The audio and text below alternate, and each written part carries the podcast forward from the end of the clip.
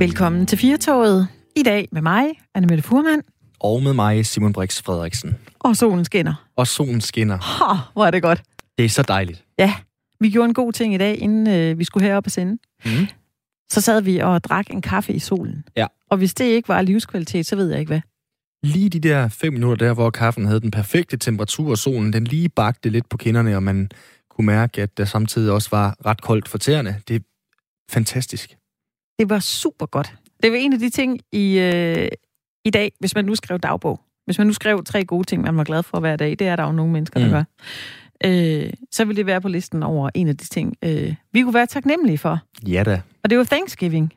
Altså ikke i Danmark. Nej. Men i USA. Den eneste højtid, vi nærmest ikke har adopteret endnu. Vi har taget Black Friday, vi har taget Halloween, selvom vi havde faste lavn. Ja. Thanksgiving, den holder vi os fra indtil videre. Hvorfor tror du egentlig, vi ikke har adopteret den? Fordi det er jo faktisk en, en, en rigtig fin tradition. Ja, modsat øh, mange af de andre, skulle jeg lige til at sige. Altså Halloween, Ja, ja, hvor vi jo netop har faste lavn, eller Valentine's Day, hvor man jo også køber lyserøde øh, chokolade indpakket hjerter i den helt store guldmedalje. Altså, jeg kan nærmest træt af allerede at tale om den. Nej, men hvorfor har vi ikke? Det ved jeg faktisk Ja, ikke. nej. Hvorfor har vi ikke det? Jamen, Er det noget med det timing? Har vi en anden højtid nu her? Nej, det har vi ikke. Øh, julen. Men, øh, Ja, ja. Det er jo hjerternes fest. Jeg synes, det her det er, det er utrolig dejligt at have den ene, øh, ene dag om året. Har du nogensinde været til Thanksgiving i, øh, i USA? Nej, aldrig. Har du? Det har jeg været et par gange. Det er øh, virkelig, virkelig... Det er sådan en dejlig dag. Det er som om alt er godt. Men er det ikke også fordi, at det, det måske kun er amerikanerne, der kan bære den hjem, det der med at være helt ekstatisk glade sådan en hel øh, dag og fejre det? Er det ikke det er der, hvor der er optog i byerne og øh, ballonger og så videre? Jo, men det er ikke så meget det. Det er mere den her... Øh, du ved, når, når man sidder i kirken juleaften og synger, så kan man måske godt være sådan en, der aldrig går i kirke, men man bliver lidt, det er sådan et, det er lidt højstemt. Mhm. Mm. Man kan godt blive revet lidt med. Og sådan er det faktisk der. Altså, synes jeg, de steder, jeg har været i USA, hvor, øh, hvor der har været Thanksgiving, at man, lige, man mærker lige, at man er i live, og det er man glad for. Det er da sundt. Så, ja, det er godt. Øhm, jeg tænkte, vi kunne øh, spørge dem, der lytter med i dag, hvad de er øh, taknemmelige for. Altså, hvis, øh, hvis du har lyst, hvis du lytter med til Firtoget lige nu, så øh, ring ind til os på 72 30 44 44, eller send os en øh, sms. Du kan skrive R4, og så beskeden den sender du afsted til 1424. Skriv lige, hvad du er taknemmelig for, så kan vi holde vores egen lille øh, Firtogs Thanksgiving her i øh, de næste to timer. Det vil være dejligt. Ja, uden kalkun. Uden kalkun. Det er jo sådan, det er, når det er i radio. Ja, det kan vi lege. øhm, vi skal jo tale om en del forskellige ting i dag igen i Firtoget. Jeg synes, vi har igen igen lavet en, øh, en god sms. En god sms, undskyld, et godt program. Øhm, Maradona. Ja. Det er en af de ting, der ikke er så sjove, men ham hylder vi jo. Ja, det er vi nødt Ja. til. Vi er nødt til at lave en radiofonisk øh, nekrolog her øh, et lille døgns tid efter, at han øh, døde, og at øh, ja, Argentina har jo erklæret landesorg i tre dage, fordi at øh, El Diego nu ikke er mere. 60 år gammel blev han. Ja, jeg, er- altså, jeg blev selvfølgelig ikke så ramt af det, som øh, da Shubiduras Michael Bundesen gik bort. Men alligevel, altså, man kan sige om ham, hvad man vil. Men øh, hold fast, vi har mistet en kæmpe stjerne. Det kan man jo bare se, hvis man kigger ud over hele landskabet. Forsiden på aviserne er L'Equipe, den franske sportsmagasin, skrev, øh, Gud er død. Og øh, andre har jo moret sig lidt over, at nu får Gud sin ene hånd tilbage, efter han jo scorede det legendariske mål tilbage i 86 Yes. mod England med hånden. Og så scorede han så også et relativt legendarisk mål lidt på ja. et andet tidspunkt i den kamp også. Det er rigtigt. Vi øh, vender det senere i, øh, i den her time. Vi skal også tale om en øh, ny bog, der hedder Breve til livet. Og der skal du altså spidse ører, Simon, fordi det er damer i 40'erne, du. Det er, det er ikke for sjov, Ja. faktisk. Det bliver, øh, det bliver godt og hudløst ærligt. Vi skal tale med øh, journalist og forfatteren Ditte Giese. Så skal vi også øh, runde FN's internationale dag for afskaffelse af vold mod kvinder. Det var jo i går, men vi skal tale med direktøren for Danner. Lisbeth hedder hun, fordi hun sad i nogle ret spændende møder i går med nogle andre mennesker, som arbejder med det her rundt omkring i verden. Og det er jo altid dejligt, når vi siger, ring ind. Ja. Og så ringer der faktisk nogen ind og siger noget til det, vi har talt om. Og vi spurgte jo lige før, om, øh, om der var nogen, der havde lyst til at ringe ind for at øh, fortælle, hvad de var taknemmelige for. Men vi stod også og snakkede om, hvorfor har vi ikke øh, adopteret Thanksgiving? Og øh, nu kan vi sige hej til dig, Ditte. Velkommen til programmet. Jamen tak. Hvad, øh, hvad vil du sige til det her Thanksgiving? Jo, jamen jeg vil sige, øhm, både Valentine's Day og Thanksgiving, nej, hvad hedder den? Øhm, øh, Nå, det der er forskellen på dem, det er, at Thanksgiving, der er der ikke nogen kommercielle øh, aktører indblandet. Nej, var det Valentine's, du tænkte på? Folk. Det er der til Valentine's Day, og det er der også til Halloween. Mm. Ikke også? Så grunden til, at vi har fået Halloween, og vi har fået Valentine's Day herover, det er jo ikke fordi, at vi har haft et behov for det. Det er jo fordi, at de kommercielle aktører har skabt et behov. De havde noget, de gerne ville sælge, så er de begyndt at sælge det i butikkerne, vise det i aviserne, og så er vi hoppet med på pinden. Så det er vel det samme med Black Friday? Altså, der er også et kommercielt... Fuldstændig. Der... Okay. Fuldstændig. Så vi er, vi er simpelthen bare små rotter i et hamsterhjul, eller små hamster i et hamsterhjul. det er slet ikke noget, vi selv har valgt. Mm. Vi har bare ikke kunne stå imod. Men uh, Ditte, nu spurgte vi jo lige før, om der var nogen, der ville melde ind med måske en ting eller to, de var særligt taknemmelige for i, i dag. Er det, er det noget, du, uh, du vil dele med os? Ja, det er ikke noget, jeg har tænkt over, men jeg synes, at der er masser af ting at være taknemmelig uh, ja. for. Kan du vælge en ting? Hvad skal vi sige? Ja, jamen jeg synes, vi skal være taknemmelige over, at uh, det her covid, det snart er overstået. Ja. Og det er jeg sikker på, det er. Der kommer en vaccine, og det skal nok blive normalt igen. Og det er træls lige nu, men i det store, store perspektiv, så er det jo ikke så lang tid, det handler om. Gitte, oh. tusind tak for det. Tak, fordi du lige det sagde det. Det er i hvert fald taknemmelige over. ja, tusind tak. kan du have en, øh, en fortsat god dag? Tak, fordi du ringede ind til os. Ja, det var så lidt. Selv tak. Hej. Hej så, hvis du har lyst til at gøre ligesom øh, Ditte, så ring ind til os på 72 30 44 44. Eller send en sms til R4, eller til 1424 er nummeret, men med R4, fordi så får vi nemlig sms'en, som vi har fået af en anden lytter, der har skrevet, at Thanksgiving er en fejring af det første måltid mellem europæerne og de indfødte i Amerika tilbage i 1600-tallet. Thanksgiving som tradition blev der først indført i 1860'erne af Abraham Lincoln. Så nu fik I også lige klædt jer selv lidt på til at fejre Thanksgiving, selvom vi altså ikke rigtig fejrer den i Danmark. Lad os håbe, vi gør det til, øh, til næste år. Der er i hvert fald nok at være taknemmelig for. Og øh, vi er da også meget taknemmelige, hvis du lytter med i uh, Firtoget. Vi øh, har anstrengt os rigtig meget for at lave et godt program, så vi kan bare sige velkommen til dagens program. Så kunne livets skjorte ikke længere passe for Diego Armando Maradona. 60 år gammel døde han i går, den øh, argentinske kæmpe på øh, 165 cm. Det er ikke meget. Det er ikke meget, men stor, det var han. I ja. hvert fald øh, i folks bevidsthed, og også inden for øh, kridtstregerne. Der bliver allerede nu debatteret, var han verdens bedste nogensinde. Og snakken, den kommer jo til at gå rigtig, rigtig længe. Der er øh, masser af folk, der, der hylder ham på den ene eller den anden måde nu her, efter han øh, afgik ved døden. Ja, man kunne næsten ikke holde ud, vel, og se de der forskellige opdateringer, der tjekkede ind i går. Ej, men det er jo også det, der sker nogle gange, at vi får ligesom den her bevidsthed om, hvor store folk de reelt er, når de ikke er her længere. Nu nævnte ja. du selv Michael Bundesen lige før. Det er jo det samme i et eller andet omfang her med, med Maradona, som mm. kæmpe, kæmpe, kæmpe stjerne. Og det ja. her med, at han jo ligesom har transcenderet hele fodbolden. Han blev større end spillet selv, og større end, øh, end myten Maradona, ja. hvis man kan sige det sådan. Jeg synes, du er god til at udtale hans øh, navn. Jamen, jeg ved faktisk ikke, om det er rigtigt, men vi har oh, heldigvis du en... Du har det med sådan noget... Øh, lidt, den har noget spansk Armando, klang. Maradona. Nu ja, det får vi jeg, heldigvis fint. en øh, ekspert med lidt senere, som er endnu bedre til at udtale det, end jeg er, ja. tør jeg godt love.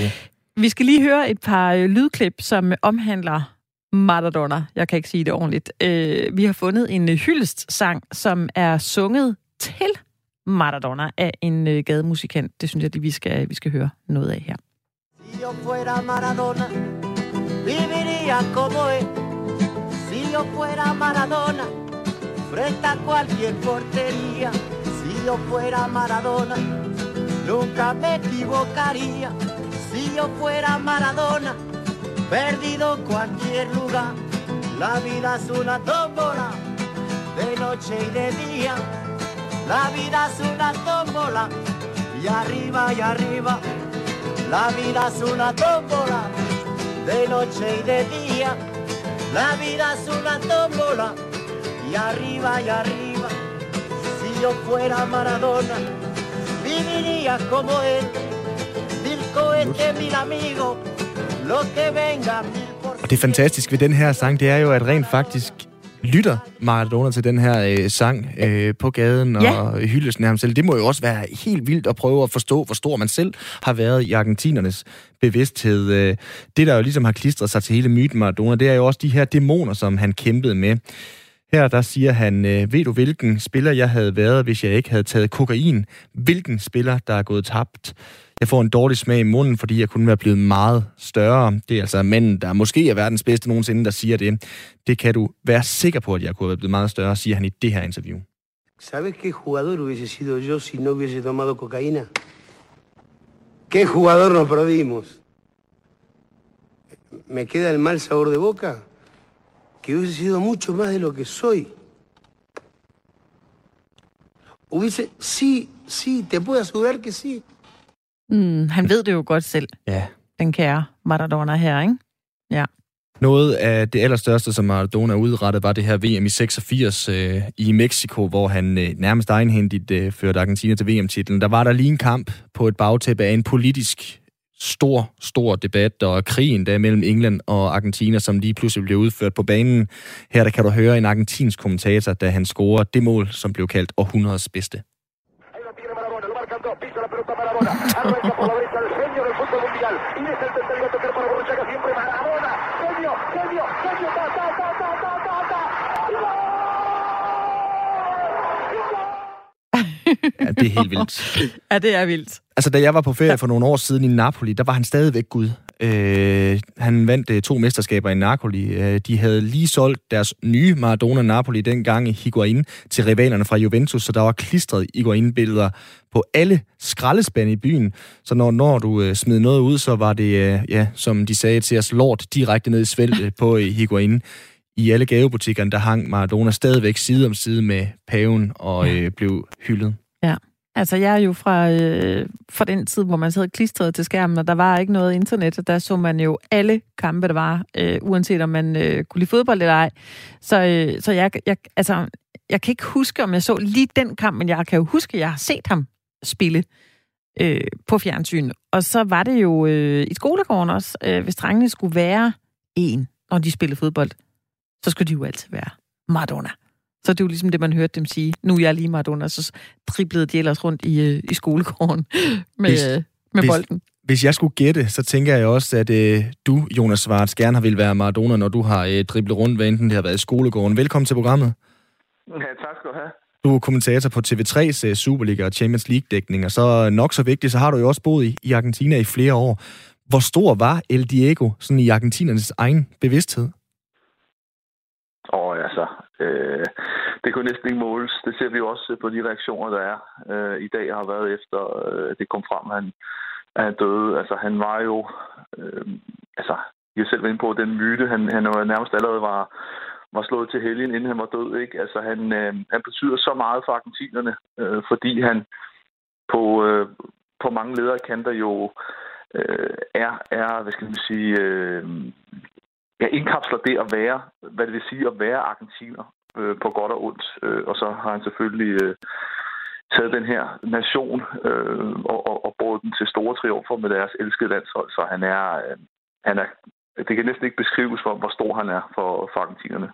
Hvordan kunne du mærke det her med, at han indkapslede det at være argentiner, dengang du selv øh, boede i øh, Argentina? Jamen, der skal man prøve at forstå, hvordan er øh, argentinerne og deres mentalitet generelt. Altså, øh, for det første kan de øh, spejle sig i ham, i forst- altså identificere dem på den måde, han, hvor han kommer fra. Altså, han kommer fra ydmyge kår, fra, fra fattige kår, øh, og har skulle kæmpe for, øh, for hver en meter, så at sige. Og det er jo også sådan, argentinerne lever øh, deres liv. Øh, der, der skal kæmpes for... Øh, for at sikre sig en plads, øh, hvor det så end er, man, man befinder sig. Øhm, og så det her med temperamentet, det her med at være, være, øh, være ærlig, være måske også lidt naiv, men være ægte, altså være autentisk. Øh, der er ikke så mange grå zoner, øh, heller ikke i Argentinas liv. Altså Maradona var sort og hvid, så kunne man lide det, han sagde, eller man kunne ikke lide det, han sagde, men man, man fik altid 100% fra ham, og der var mange gange, man rystede på hovedet, og så var mange gange, hvor man tænkte, hvor er det fantastisk, det han siger. Øh, til sidst desværre var det jo desværre øh, mere ned ad bakke, og han havde det ikke godt, og, og, og fysikken den, den, øh, den skræntede, og han kom også med mærkelige udtalelser og så videre. Men, men han var autentisk, Øh, og, og han var øh, en, som altid, skal man sige, havde, havde kontakt stadigvæk med sine rødder. Øh, selvom han blev det her øh, ikon på verdensplan, så var han stadigvæk en, der, der havde de her værdier, som øh, argentiner lægger så stor vægt på. Det her med, at du, man, man, man lægger men, men husk, hvor man kommer fra, især det her med, øh, hvilket barrio, altså hvilket kvarter kommer du fra. Og han var stadigvæk, selvom han kom på disse bonede gulve, og selvom han øh, var verdensstjerne, så var han stadigvæk Diego fra, fra Villa Fiorito, øh, som, som egentlig bare gerne ville lege og danse og spille fodbold, og var en, en gadedreng. Mm. Jonas, hvad er dit øh, eget bedste Diego-minde?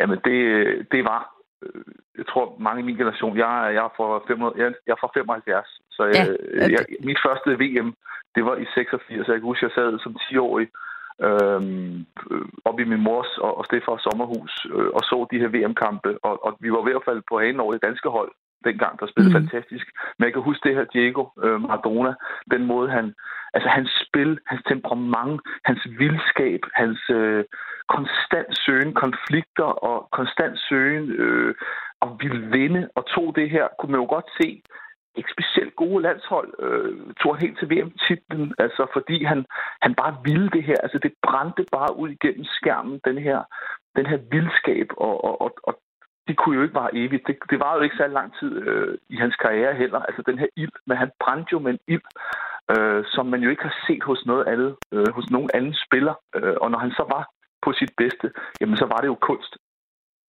Men er han, er han større end, end myten Maradona næsten øh, er blevet skabt siden? Altså, jeg er jo øh, desværre øh, så ung, at jeg aldrig har fået set ham spille i hverken fjernsyn eller live eller noget som helst. Så jeg har jo spurgt både min, øh, fed, eller min far og øh, mine bekendtskaber, altså hvor stor han reelt var, Maradona. Altså, hvor stor var han? Altså, den her myte Maradona, er den også blevet gjort større end det, han udrettede, Jonas?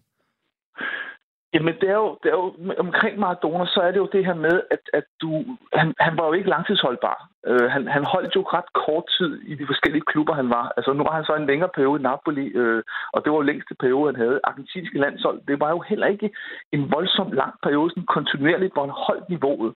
Men, men det var jo en blanding af, at han var fantastisk spiller. Altså, han, han var simpelthen øh, Jamen, han var jo på en anden planet. Det er også det, den der speak, I lige havde før, hvor han scorede mål mod, øh, mod England, øh, hvor det er jo den her Morales, øh, den her legendariske argentinske fodboldkommentator, som siger, det kæft planet, der veniste. Altså, hvad for en planet er du kommet fra? Kom bare ud af ham, efter han har scoret det her mål, fordi han havde sådan nogle momenter, hvor man tænkte, jamen, det burde ikke kunne lade sig gøre.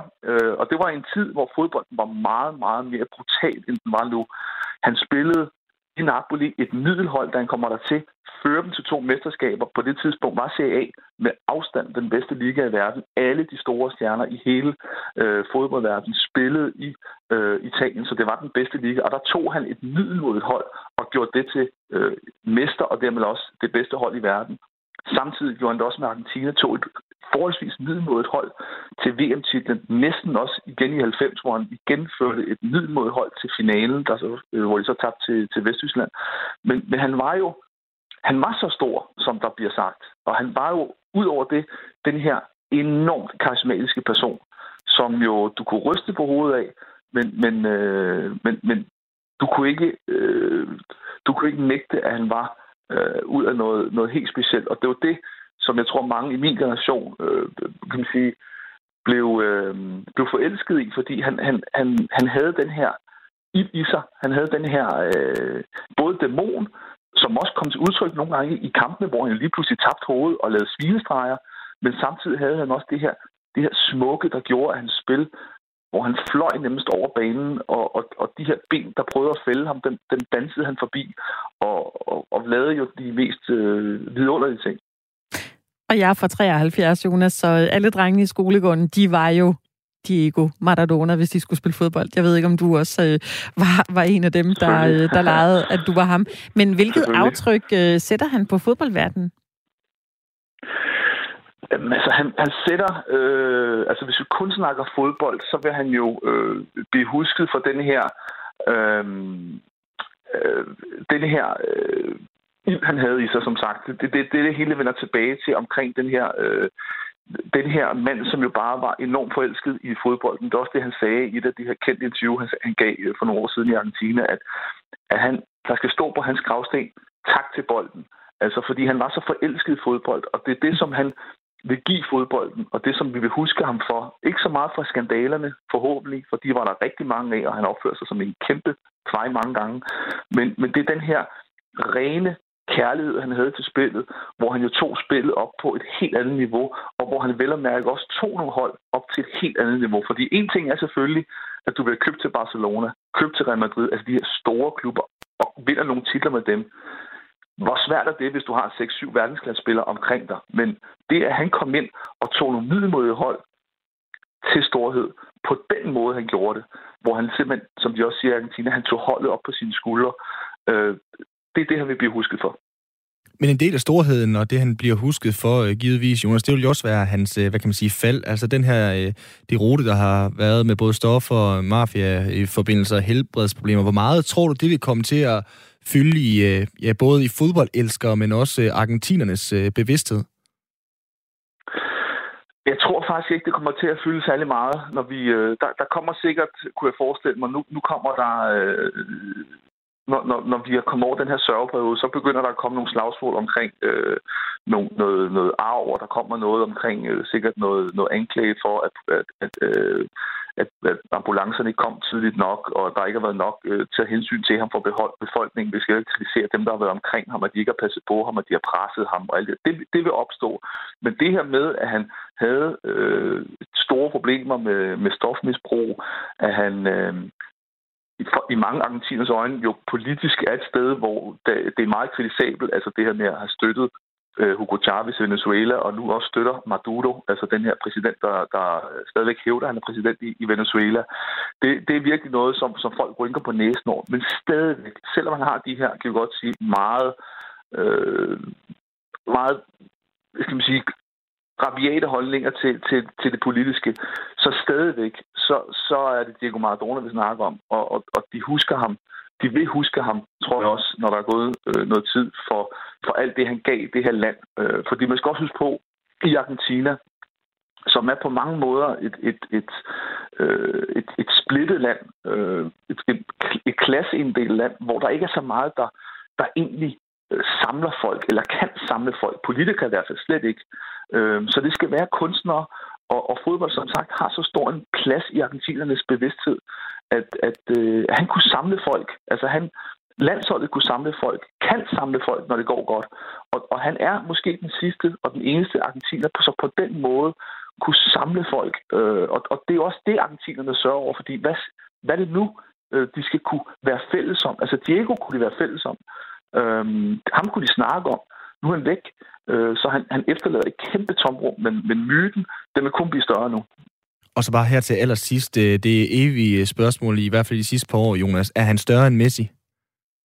Altså for mig, helt klart. Ingen tvivl om det. Fordi han, han øh, det, der genvender tilbage til det her med, altså det, det han kunne, kan Messi jo også. Men som man også, øh, nogle af mine argentinske venner siger, Messi med bolden er måske bedre kan måske flere ting med Maradona, men fodbold er mere end bare at kunne drible. Det er også at kunne være en leder, gå forrest, beskytte dine holdkammerater, tage initiativ, øh, gå i clinch, øh, være der, når det hele øh, er lidt toft, og, og, og der mangler en, en der, der siger, øh, nu, nu gør vi sådan her. Det kan Messi ikke. Det kunne Maradona. Så man siger, Messi med bolden, bedre end Maradona, men hele parken, Maradona, klar større end Messi. Det sagde altså Jonas Svarts, kommentator på øh, TV3 Sport på Superliga Champions League-dækningen. Tak fordi du var med her, Jonas, til lige at gøre os lidt klogere på både manden og myten Maradona. Det var en fornøjelse. Jeg kan lige nævne sådan til de der fodboldnørder. Der er VM ja. i 86, da Danmark de jo også øh, var med at røge ud til, til Spanien. Der øh, scorede han fem mål, Maradona, som anfører, og han lavede også fem assist. 10 målinvolveringer, som det hedder i fodboldsprog i alt, det er flere, end nogen nogensinde har gjort før eller siden i en VM-slutrunde. Så det der med, at han bare hele Argentina på sine skuldre, som Jonas også sagde, det kan der godt være noget om. Ja, altså nu nævnte han det her med, at han havde den her, han var meget aggressiv, altså meget passioneret omkring bolden, og jeg synes, altså det er det, jeg husker om ham. Den her meget, meget lave mand, som bare spurter rundt og er fuldstændig på tæt, altså han er fuldstændig tændt. En lille vulkan, ikke? En lille vulkan? Ja, den Det hammer skrev i hvert fald på, øh, på Twitter. nu er den ene Nå. af Napolis to vulkaner, der aldrig vågner mere. Mm. Vi har øh, talt lidt om øh, Thanksgiving i dag, fordi det er jo øh, det, der bliver fejret i USA. I dag, vi har spurgt dig, hvad er du øh, taknemmelig for, hvis vi lige skulle lege? Vi havde to timer med Thanksgiving her i, øh, i Firtoget. Vi har fået en besked fra Patrick, der skriver, skal jeg vælge én ting at være taknemmelig for, så er det min familie, og hvordan øh, vi især i modgang er der for hinanden. 2020 har været det værste år på mange områder, så at baglandet er så fantastisk af alfa og omega for et øh, positivt syn på fremtiden. Nøj. Du er heldig. Patrick. Du har havnet i øh, sådan en øh, familie. Og så øh, kan du altid ringe ind til os. Det kan du gøre på 72 30 44 44, og det har Benjamin gjort. Hej med dig, Benjamin. Uh, ja, hej. Hej med dig. Er du sådan en, jeg der... vil- Jo. Uh, jeg vil bare sige, det jeg er taknemmelig for, det er, at vi uh, ikke endnu i hvert fald har fået uh, adopteret Thanksgiving ind i Danmark. Hvorfor er du taknemmelig for det? Fordi altså, jeg synes, vi har allerede rigeligt med amerikanske traditioner, og jeg synes bare ikke rigtig, vi har brug for en til. Nej. Men jeg, der... jeg kan godt se, sådan formålet med den er det gode, men uh, sådan selve traditionen, synes jeg, at, uh, at der vil blive lidt for, for meget af det. Men er du sådan en, øh, Benjamin, der, øh, nu kan jeg lige så godt være ærlig, der, der næsten har det på samme måde som mig med Valentine's Day, at man har lyst til at kratte øjnene ud på sig selv, fordi at alle render rundt med blomster i, øh, og chokolade under armene og sådan nogle ting? Eller er det Halloween, eller er der, er der nogen af dem, du særligt sådan er irriteret over, at vi er adopteret? Altså, jeg er ikke som sådan irriteret per se over, at de er adopteret, men jeg synes bare, at de er meget unødvendige. Altså, sådan, jeg har ikke noget imod, at folk fejrer det, men øh, jeg synes, vi går for meget op i øh, traditioner, som der kommer fra helt andre kulturer end vores egen. Mm. Den er modtaget, Benjamin. Altså, hvis du nu lige skulle nævne én ting, du var taknemmelig over lige nu, hvad skulle det så være? Ja, men altså, øh, som før nævnte, så er jeg jo sådan også øh, meget taknemmelig over for den familie, jeg er i, og øh, de venskaber, som jeg har lavet gennem mit liv. Ikke? Altså, altså det, er det er en af de få steder, hvor jeg har været meget heldig. Det lyder simpelthen fantastisk. Tak fordi du delte det øh, med os, Benjamin, og så have en, øh, en fortsat god dag. Jeg er jo lige med. Og du kan stadig gøre, som Benjamin har gjort her, ringe ind til os og fortælle, hvorfor er øh, du taknemmelig over lige præcis den ene, to eller tre ting i dag. Så øh, del det med os. 72 30 44 44 er det nummer, du skal ringe ind på. Om øh, den nye bog, vi skal tale om nu, Breve til livet, der står der. Det er en åbenmundet og tankevækkende brevveksling mellem levekvinden Ditte Giese og verdensdamen Anne-Sophie Alap om lyst og tørre perioder, om kærlighed, krop og kriser, om dødsangst, parforholdspropaganda, politik og moderskab og kvindelivets andre små og store minefelter. En uafrystelig og livsbekræftende fortælling om at være kvinde, når man er midtvejs, fortalt af to af vores generations stærkeste og modigste stemmer. Og med det, velkommen til dig, Ditte Giese. tak. Du er forfatter til øh, den her bog, og så er du øh, kulturjournalist og, og kritiker. Allerførst, øh, tillykke med bogen. Tak skal du have. Det er stadig sådan helt underligt, når nogen læser noget op for den.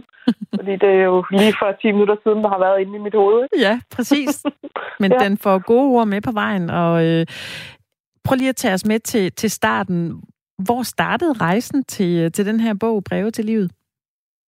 Jamen altså, egentlig startede den ved, at jeg for måske 10 år siden opdagede det her kvindemenneske, der begyndte at skrive i forskellige medier, altså Anne-Sophie Larp, og synes, at hun var sådan lidt larger than life. Og jeg kan vildt godt lide sådan nogle kvinder, der praler og fylder og har store armbevægelser. Dem, øh, dem samler jeg på, så jeg, jeg har sådan prøvet at nærme mig hende flere gange.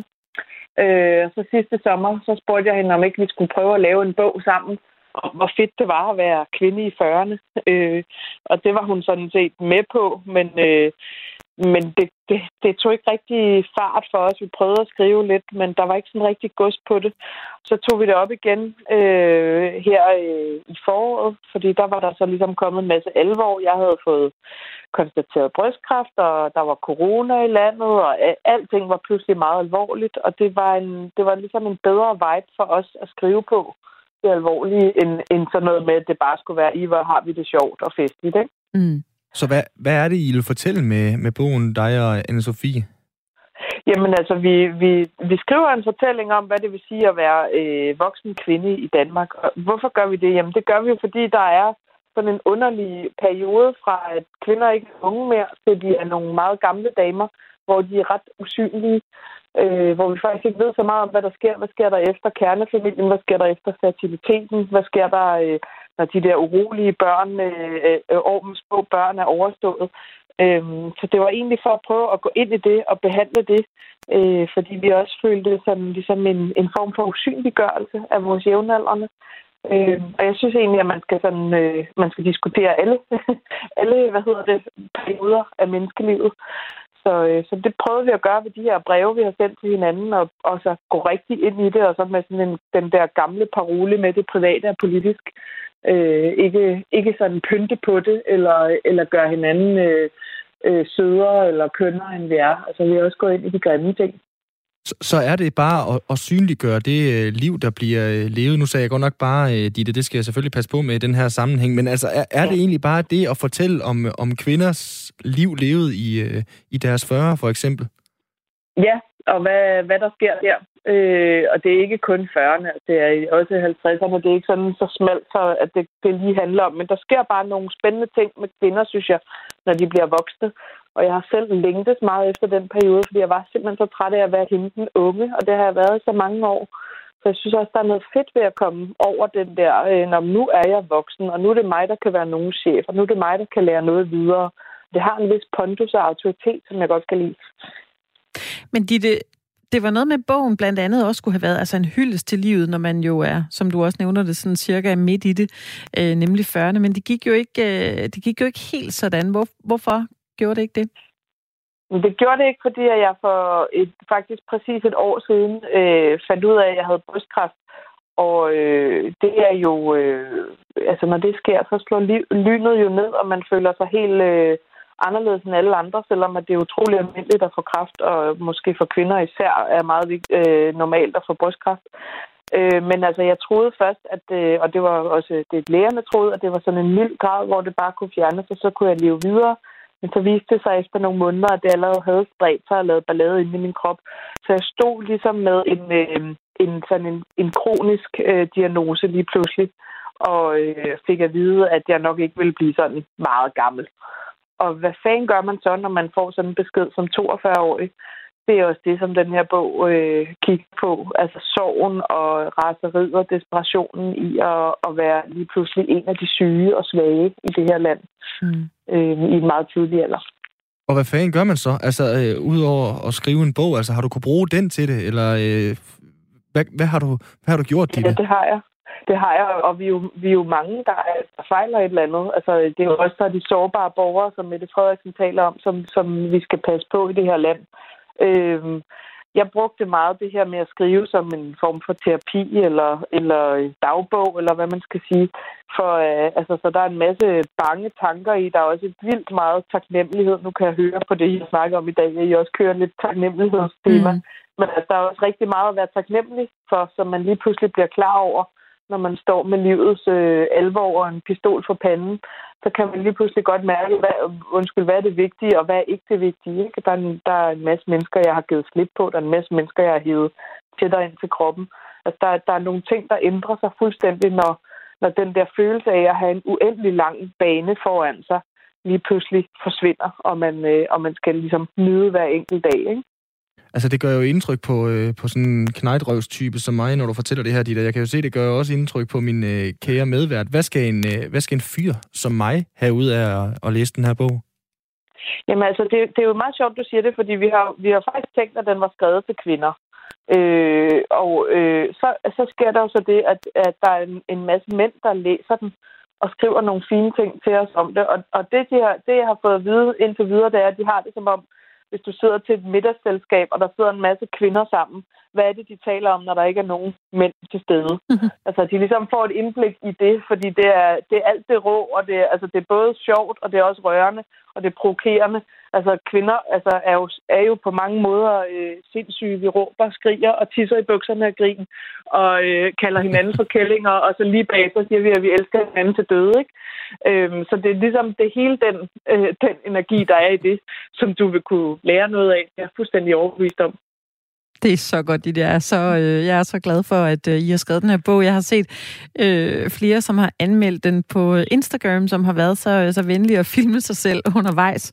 Og altså næsten alle sammen ligger jo, øh, eller ligger, det behøver de nødvendigvis ikke, men mange af dem ligger så i deres seng og læser den, og, og, og græder, altså mens de Nå. laver de her stories, og, og så begynder de at grine lige bagefter, fordi de siger, at den er, den er jo helt vildt sørgelig, og så er den også altså, helt vildt sjov. Altså, fordi den er Ja. så rå og så, øh, og så ærlig.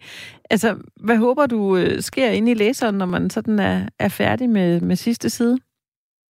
Jamen altså, jeg håber jo, at det, at det øh, øh, vil løsne op for nogle af de samtaler, som vi har svært ved. Vi har jo meget svært ved at tale med hinanden om de svære ting, og is- måske især om døden, ikke? som jo er et vilkår, ingen af os kommer udenom. Og jeg vil sige, især når man træder ind i 40'erne, som jeg har gjort, eller i 50'erne, altså så bliver livet ret råt, ikke? Og så er det det der med, at du kan møde en ven i løbetøj, og så to uger senere gå til hans begravelse, ikke? Mm. Altså, der er, der er sådan en anden øh, alvor, der, der, der møder øh, en. Og den, Mm. den synes jeg, at vi skal, vi skal bekræfte hinanden i, så vi ikke sidder hver for sig og føler os alene og forkerte, fordi alle de andre lever sådan et meget veltilrettelagt øh, beige hjem på Instagram. Og Ja. hjemme hos mig, der sejler og vi råber og skriger hinanden, og vi har ikke haft sex i to måneder. Ikke? Jo. Altså, så lad os, da, lad os da prøve at tage den samtale øh, om det, og, og i øvrigt også snakke om, hvordan man reagerer, når en af ens venner bliver ramt af sådan noget lort, som jeg er blevet ramt af. Ikke? Mm. Så vi kommer alle sammen til at, til at mærke det. Jeg ved ikke, om du øh, har det ligesom mig, Ditte, men jeg har jo glædet mig egentlig på et tidspunkt til at, at, at komme i 40'erne. Altså, jeg troede ligesom, det hele ville blive lidt mere roligt, men jeg synes også, jeg ja. har Ja. oplevet, at det er blevet noget mere uroligt. Altså, det er en ja. Ja. meget, det er meget vildt årti at være i. Fuldstændig og råt, og jeg troede faktisk også, at det var nu, man ligesom skulle høste frugterne af ens øh, hårde indsats på arbejdsmarkedet og med børnene og alt sådan noget. Og nu skulle man ligesom bare hvile på laverbærene og gå fra fest til fest og reception til reception. Men øh, det skete ikke. Det blev noget andet. Nu lyder det, som om jeg er sådan bitter og skuffet. Det Nej, det ikke. synes jeg ikke. Øh, men men, øh, men der, der er ligesom nogle ting, som, øh, som ændrer sig meget. Jeg synes også, at mine 30'ere var, øh, var øh, meget urolige øh, og tænkte, nu har jeg taget øh, min andel af alle kriserne, men Mm. øh, det havde jeg så ikke. Ditte, når man hører øh, noget af snakken her, og også titlen på bogen, øhm, kan det jo godt lyde lidt som, øh, som sådan Johannes Møllehaves samtalebog fra, fra folk, der er i slutningen af livet, tænker jeg jo. Altså, kan man godt Ja. også mærke, at den er sådan en, en midt-livsbog? Altså, øh, hvordan kan man mærke, at det ikke er for nogen, der er i, i slutningen af livet, men der er også det der livsbekræftende i det, som jeg jo kan høre, at I øh, berører? Ja, jo, altså den handler jo enormt meget om sex, og den handler meget om at være forældre. Ikke? Øh, vi har jo øh, vi har begge to øh, hjemmeboende små børn. Øh, og så kæmper vi begge to med, med mænd og kærlighed. Anne-Sophie, hun har, hun har fravalgt parforhold og monogami, og har i stedet en 4-5 elskere i delordning.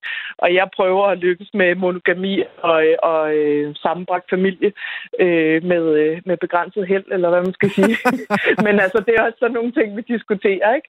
Altså, hvad er øh, øh, sex, når man ikke kan lave børn mere, for eksempel? Altså, der, er der er jo fandme mange ting i, Ja. ja. øh, i livet, som, øh, som vi øh, ikke hører særlig meget om, og som, øh, fordi der er så stort fokus på, hvad, hvad, hvad er det, der sker, når vi er unge, ikke? Mm. Dit, øh, der er lige kommet et par sms'er, som øh, du får med på vejen, inden vi siger farvel til dig. Der er en fra Inger, der skriver, at Ditte Giese er en dygtig og klog kvinde. Nå. Og så er der kommet en fra Claus, der skriver, sender stort telekram til Ditte Giese. Nå, Så du får, lidt, øh, du får lidt kærlighed med på vejen. Øh, Ja, mega sejt, I har skrevet den her bog, og, øh, og pøje pøje med den derude, og så have en, en fortsat god dag. ikke? Tak skal I have, og tak fordi I ringede. Ja, hej hej. Hej. Det var øh, Ditte Giese, vi talte med her, som er forfatter til den bog, hun talte om, der hedder Breve til livet. Det er en bog, som øh, Ditte Giese har skrevet sammen med Anne-Sophie Lab, der er jurist, forfatter og journalist. Og øh, det, jeg har læst af den, der vil jeg bare sige, what a ride. Okay. Det, øh, der får man i hvert fald en på, på opleveren. Jamen, jeg blev da også øh, ligesom øh, indvidet i en verden, som jeg ikke troede, jeg Ja. var interesseret i, men øh, det er jeg da i hvert fald blevet nu. Helt sikkert. I går var det FN's internationale dag for afskaffelse af vold mod kvinder, og det er jo øh, desværre fortsat, øh, altså det, det er der fortsat en god grund til at gøre opmærksom på, altså vold mod kvinder, fordi en ud af tre kvinder på global plan, de oplever fysisk eller øh, seksuel vold i deres levetid. Er det ikke øh, det er Hvad? vildt nok tal? Hver tredje kvinde på planeten, siger du? En ud af tre. Yes. På global plan, ja. Ja. Så øh, vold mod kvinder, det er jo øh, fortsat en af de oftest forekommende krænkelser af menneskerettighederne i, øh, i verden, og det skal vi tale med øh, dig om. Lisbeth Jessen, velkommen til programmet. Ja, tak skal I have. Du er øh, direktør for øh, Danner, og det var jo i går, at øh, den her internationale dag øh, var. Du var øh, på forskellige måder aktiv ved flere arrangementer, og øh, et af dem var et øh, online arrangement, hvor du var sammen med ambassadører fra andre lande, der diskuterede i vold mod kvinder. Hvad havde I fokus på til, til det arrangement, og hvem var med? Jamen, øh, vi startede jo dagen i går med et arrangement øh, sammen med den engelske ambassadør øh, og den australske ambassadør, og så en visestatsadvokat øh, fra København. Og det, vi satte fokus på, det var ligesom to ting. Dels øh, så satte vi fokus på vold mod kvinder under øh, den øh, nedlukning, vi har oplevet her i forbindelse med corona. Øh, og den betydning, det har haft særligt for kvinder. Og så havde vi også et særligt fokus på psykisk vold, på de erfaringer fra Danmark, som jo har kriminaliseret psykisk vold for halvandet år siden. England har haft en lignende lovgivning i fem år, og Australien, som lige nu har politiske drøftelser om behovet for en kriminalisering. Øh, altså formålet var jo at dele erfaringer, øh, både om det, der virker, og så om det, der er svært. Øh, så, så, så derfor havde vi inviteret øh, jo både repræsentanter øh, fra de to lande, vi havde også nogen med online øh, fra to stærke organisationer, øh, Women's Aid i London og en australsk NGO, der arbejder med kvinders rettigheder, der gav en præsentation, og så var der en masse mennesker, der lyttede med online. Man kan stadig se dele af debatten på hjemmesiden. Så det handlede altså om at kigge på vold mod kvinder, øh, som også jeres introduktion afslørede, i et globalt perspektiv, og også kigge på særligt på den øh, psykiske vold, som rigtig som fylder rigtig meget for kvinder, der kommer på krisecenter. Øh, ikke kun i Danmark, men over hele verden. Øh, og også for de kvinder, som ikke er så heldige at få et ophold på et krisecenter. Hvad, øh, hvad er det for en vold, de lever med? Og hvad er det for nogle erfaringer, der er? Hvad kan lovgivning? Og hvad der er i øvrigt brug for øh, af forskellige typer af indsatser i forhold til denne her kriminalitet. Så det var noget af det, vi satte fokus på i går. Ja, og lad os lige blive med de øh, helt store globale perspektiver, globale briller på, hvis man kan sige det sådan, øh, Lisbeth. Hvordan arbejder I sammen i det her internationale samarbejde, som, øh, som Danner har? Jamen, Dan arbejder, altså vi har jo gennem en del, år, øh, en del år, så har vi dels arbejdet internationalt med kvinders rettigheder, øh, og for at, øh, og, og, og mod vold mod kvinder. Og det har vi jo gjort i samarbejde med kvinderetsorganisationer og andre øh, NGO'er, både i Danmark og internationalt. Altså noget af det, vi laver i det arbejde, øh, det er, at vi træner og kapacitetsopbygger krisecenter i andre dele af verden. Det kan fx være i Mellemøsten eller i Afrika, men også i andre lande. Så arbejder vi også med ligestilling og med normer i samfundet øh, og med lovgivningsarbejde øh, og for eksempel med dataindsamling. Øh, det er et arbejde, som støttes af Udenrigsministeriet, men som ligesom bliver udført i lokale samarbejder. Øh, og hvor vi også øh, har udgivet træningsmanualer og læringsmateriale på både engelsk og arabisk, som organisationerne så kan bruge i deres efterfølgende arbejde i deres NGO eller på deres krisecenter. Så på den måde arbejder vi med mange forskellige typer indsats internationalt og gjort det en del år.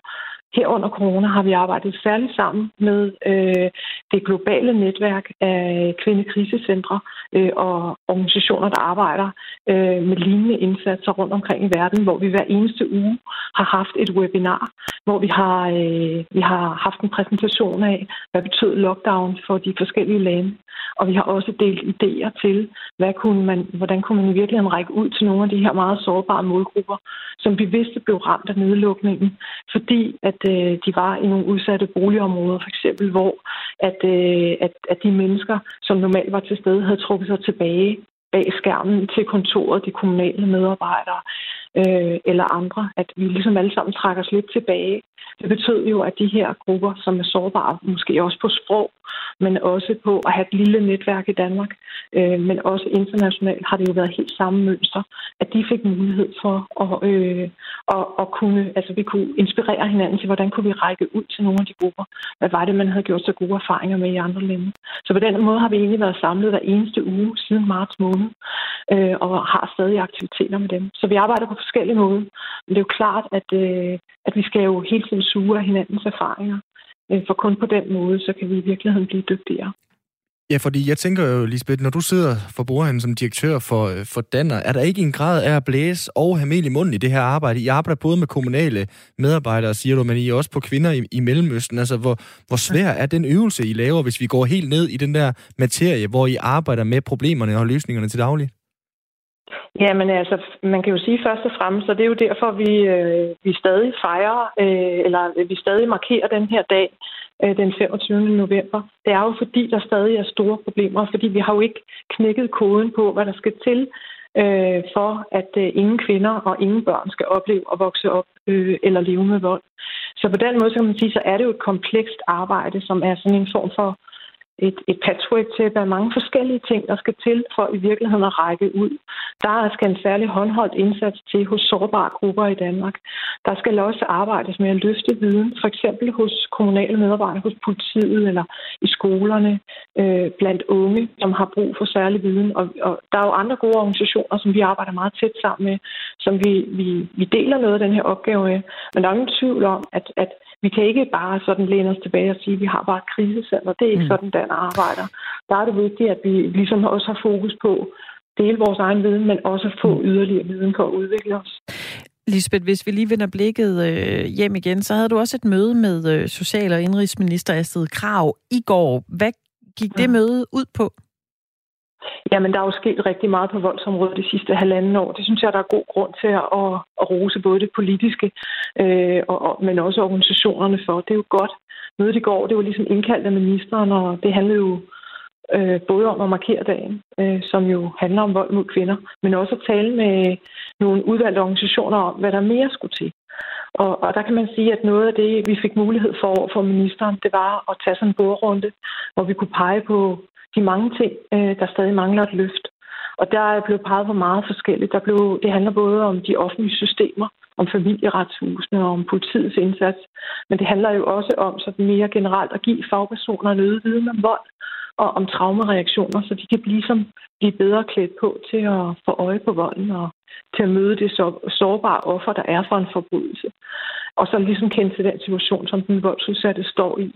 Og sådan helt specifikt for Danmark, så pegede vi jo på behovet for en ambitiøs handleplan på voldsområdet, der ligesom får samlet alle de initiativer, der nu er sat i gang øh, med nogle konkrete mål for, hvad der skal ske, hvem der skal gøre det, og der også bliver sat mål for, hvordan vi nedbringer antallet af de, for det har været alt for stabilt højt i mange år, der lever med vold. Hvis vi kan nedbringe antallet, skal vi både hjælpe dem, der udøver vold, og dem, der er udsat for vold, og deres børn. Men, så, Lisbeth, så det var snakken men, omkring bordet i går. Ja. Men Lisbeth, er det ikke bare en byråkratisering af det kæmpe problem, vi har? Altså, nu sagde vi lige globalt set, at 33 procent af kvinder har oplevet det her. Er vi ikke bare der, hvor vi må sige, at problemet bare er mænd, der ikke opfører sig ordentligt? Er det ikke bare der, det handler om at sætte ind frem for at opstille alle mulige andre øh, mulige løsningsmodeller? Vi skal vel ind til, til materien. Hvad er det? Jamen, man kan sige, at materien er bare ikke sådan et quick fix. Altså, materien er jo i virkeligheden, at vi skal, vi skal blive meget bedre som samfund, og der kan det være vigtigt at samle tingene i en plan og forpligte nogle myndigheder på at gøre noget bestemt. Den anden del, synes jeg, handler om at sige, at vi må også erkende, at der skal, be, at der skal hjælp til til dem, der udøver volden, fordi ellers så får de bare en ny kæreste bagefter, og så fortsætter de her mønster. Så, så, så det er ikke et quick fix. Altså, der er ingen tvivl om, at det her vold kan aldrig undskyldes. Men, men at, at både give hjælp til den, der udøver, men også den, der er udsat for vold, er helt afgørende vigtigt, fordi det hjælper kvinder. Fordi det hjælper kvinder. Og så skal vi jo generelt styrke ligestilling i samfundet. Jeg synes jo i virkeligheden, at noget af det, vi snakker for lidt om, det er, at øh, også i Danmark, der udgør vold mod kvinder øh, et alt for højt antal. Der burde jo ikke være nogen, der lever med vold. Og det betyder jo, at de ikke kan leve frit og få ligesom, frigivet det potentiale, de har som mennesker. Og det betyder faktisk, at det er en kæmpe stor ligestillingsudfordring, og efter min mening måske en af de allerstørste. Vi taler bare ikke om det på den måde. Vi taler mere om det som et socialt problem. Vi bliver nødt til at også tale om, det handler om uligeværdige relationer mellem mænd og kvinder, og nu mere mandsdomineret, mere patriarkalsk man lever, nu mere vold er der mod kvinder. Mm. Så vi bliver nødt til også at tale om det på forskellige niveauer. Vi kan ikke bare øh, kan man sige, gå ud et sted. Vi arbejder sådan metodisk på, på mange forskellige niveauer, både med at hjælpe den enkelte kvinde, men også med at skabe den rigtige lovgivning og samarbejde med de rigtige organisationer og myndigheder øh, om at løfte nogle fælles indsatser. Mm. Så øh, der skal mere til. Tak skal du have, Lisbeth Jessen, fordi du var med her i øh, programmet. Selv tak. Lisbeth Jessen, der er øh, direktør i Danner, og vi øh, talte jo med hende, fordi i går var det FN's internationale dag for afskaffelse af vold mod kvinder, og som vi lige sagde tidligere, så er det altså en ud af tre kvinder på global plan, der oplever fysisk eller seksuel vold i, i deres levetid. Det er et for højt tal. Det må vi bare sige.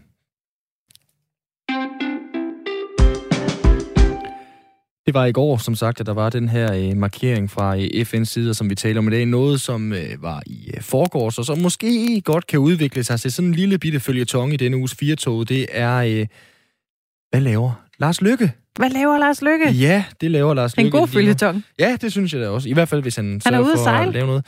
Ja, det skal han jo. Ja. Han skal jo rejse øh, tværs over Atlanten i det her... Øh, Kanal 5-program, øh, Discovery-program med, med Kendte, som, øh, som skal krydse Atlanten under kyndig ledelse, hvor han blandt andet skal stævne ud sammen med Umut Sakaya, kokken, mm-hmm. som også har været med i Vild med Dans. Lige nu, der øh, sidder han på Lanzarote, ja, gør da. han Lars Lykke. Med en smøg og en fadøl måske? Ja, han er jo også øh, lige blevet øh, ambassadør for øh, anti-ryge-kampagner, så det er ikke fordi, Som han det ikke... dårlige eksempel, der er ikke er stoppet med at ryge. Ja, nemlig. og han bruger faktisk det, at han nu er på øh, Lanzarote aktivt. Det er ikke sådan, han bare ligger og daser den, som du siger, med en smøg i uh, siden af munden. Den tidligere statsminister og uh, venstreformand, han uh, mødte uh, af gode grunde nemlig ikke op i Folketinget den Nej. anden dag, fordi der skulle de diskutere de danske rejsevejledninger. Ah. Dem vi alle sammen kigger på for, hvornår vi kan komme ud og rejse. Hvornår er det rødt? Ja. Hvornår er det orange? Hvornår kan jeg komme afsted? Lige og der sad han på Lanzarote. Det gjorde han, øh, Ja da. og tænkte, øh, det kan jeg da godt bruge politisk. Sådan er det da. Er PT på Lanzarote, hvor covid-19 er under fuld kontrol, men hvor til Danmark fraråder rejser? Det er svært at forstå. Også derfor har jeg stillet spørgsmål til regeringen i sagen. Så øh, det, var er ikke tweet, sådan, at, han ja, skrev. det var simpelthen et tweet, men Aha. altså også et øh, spørgsmål, som han har adresseret til udenrigsminister øh, Jeppe Kofod. Ja. Simpelthen for at få svar på, hvordan hulen det kan være, at han ikke må øh, være på Lanzarote, medmindre det er i en øh, særlig anledning, kan man Ja. sige. Må jeg lige, han er jo aktiv på Twitter, Ja. øh, den gode Lars Lykke. Kom der flere tweets efter det her? Altså, hvor han ligesom... Altså, der er spredt Underbygget, sig eller? en, øh, en længere følgetong, Ah, okay. øh, men også hvor andre bød ind. Øh, Poul Madsen fra Ekstrabladet, han kunne selvfølgelig heller ikke holde sig tilbage. Nej, og sådan det- kørte det hele. Jeppe Kofod var selv ude at sige, jeg er da ærgerlig over, at du ikke kan være med til mødet, Lars Lykke. Nej, men så er det godt, I kan svare på spørgsmålene. Og et eller andet sted, man kan jo fodre svin med Zoom-møder i de her tider, så Ja, jeg det er tænker, det er da meget passende, at man fjernspørger som øh, Lars Lykke. Det kunne da godt være en ny ting, forestiller jeg mig. Fremover så er der folketingsmøder over Zoom, hvor ordføreren de beretter fra øh, nationale og internationale brandpunkter. Nogle Ja. de er med fra Voldsmose eller Gellerup, hvis det handler om integration.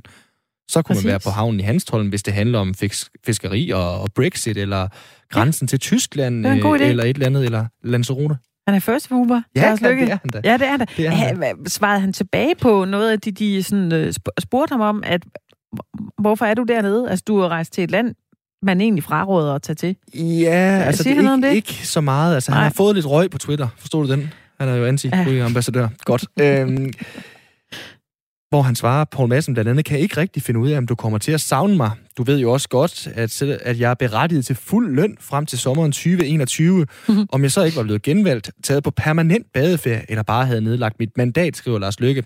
Og så var der en øh, skatteborger, der svarede, så du mener altså ikke, du har en forpligtelse til at arbejde for de penge, som skatteborgeren leverer til dig. Og der må vi jo bare sige, Lars Lykke, han er altså på arbejde, han stiller spørgsmål til øh, udenrigsministeren, for at få udenrigsministeren til at svede, men øh, måske sveder han også selv på Lanzarote imens. Jeg synes, det er frisk nok. Det, Det må jeg sige. stærkt. Jeg synes, jeg synes, det er stærkt nok. Ja. Øh, det er en god følgetong. Kan vide, om der er kommet, der kommer flere er tweets rigtigt. i morgen. Det kan være, at han er et, øh, et andet sted. Han har udnævnt sig selv til udenrigskorrespondent på en eller anden måde. Ja, vi ja. glæder os. I næste time af Firtoget, der skal vi øh, have en gæst på øh, besøg, der skal tale om øh, julekalender, fordi lige om lidt er det 1. december. Traditionen tro, så kan vi sidde klistret foran skærmen til en masse julekalender. Vi skal tale om en øh, ny undersøgelse fra Børns Vilkår. som handler om, at øh, rigtig, rigtig mange børn, hver sjette barn i børnehaven, de øh, føler, at de er blevet råbt af, og Ja. ja. hver fjerde barn har set nogle af deres andre øh, kammerater i børnehaven er blevet råbt af. Vi skal dykke lidt mere ned i det og ja. snakke lidt om, hvad det er, der sker, når voksne råber af børn. Det skal man lade være med. Det jeg har er- to børn. Jeg kan ikke sige, at det ikke er sket, men øh, man skal ikke gøre det. Vi dykker ned i den. Vi dykker også ned i filmen Mulan, som øh, får premiere på øh, Disney Plus om ikke særlig lang tid. Mere om det efter nyhederne her på Radio 4.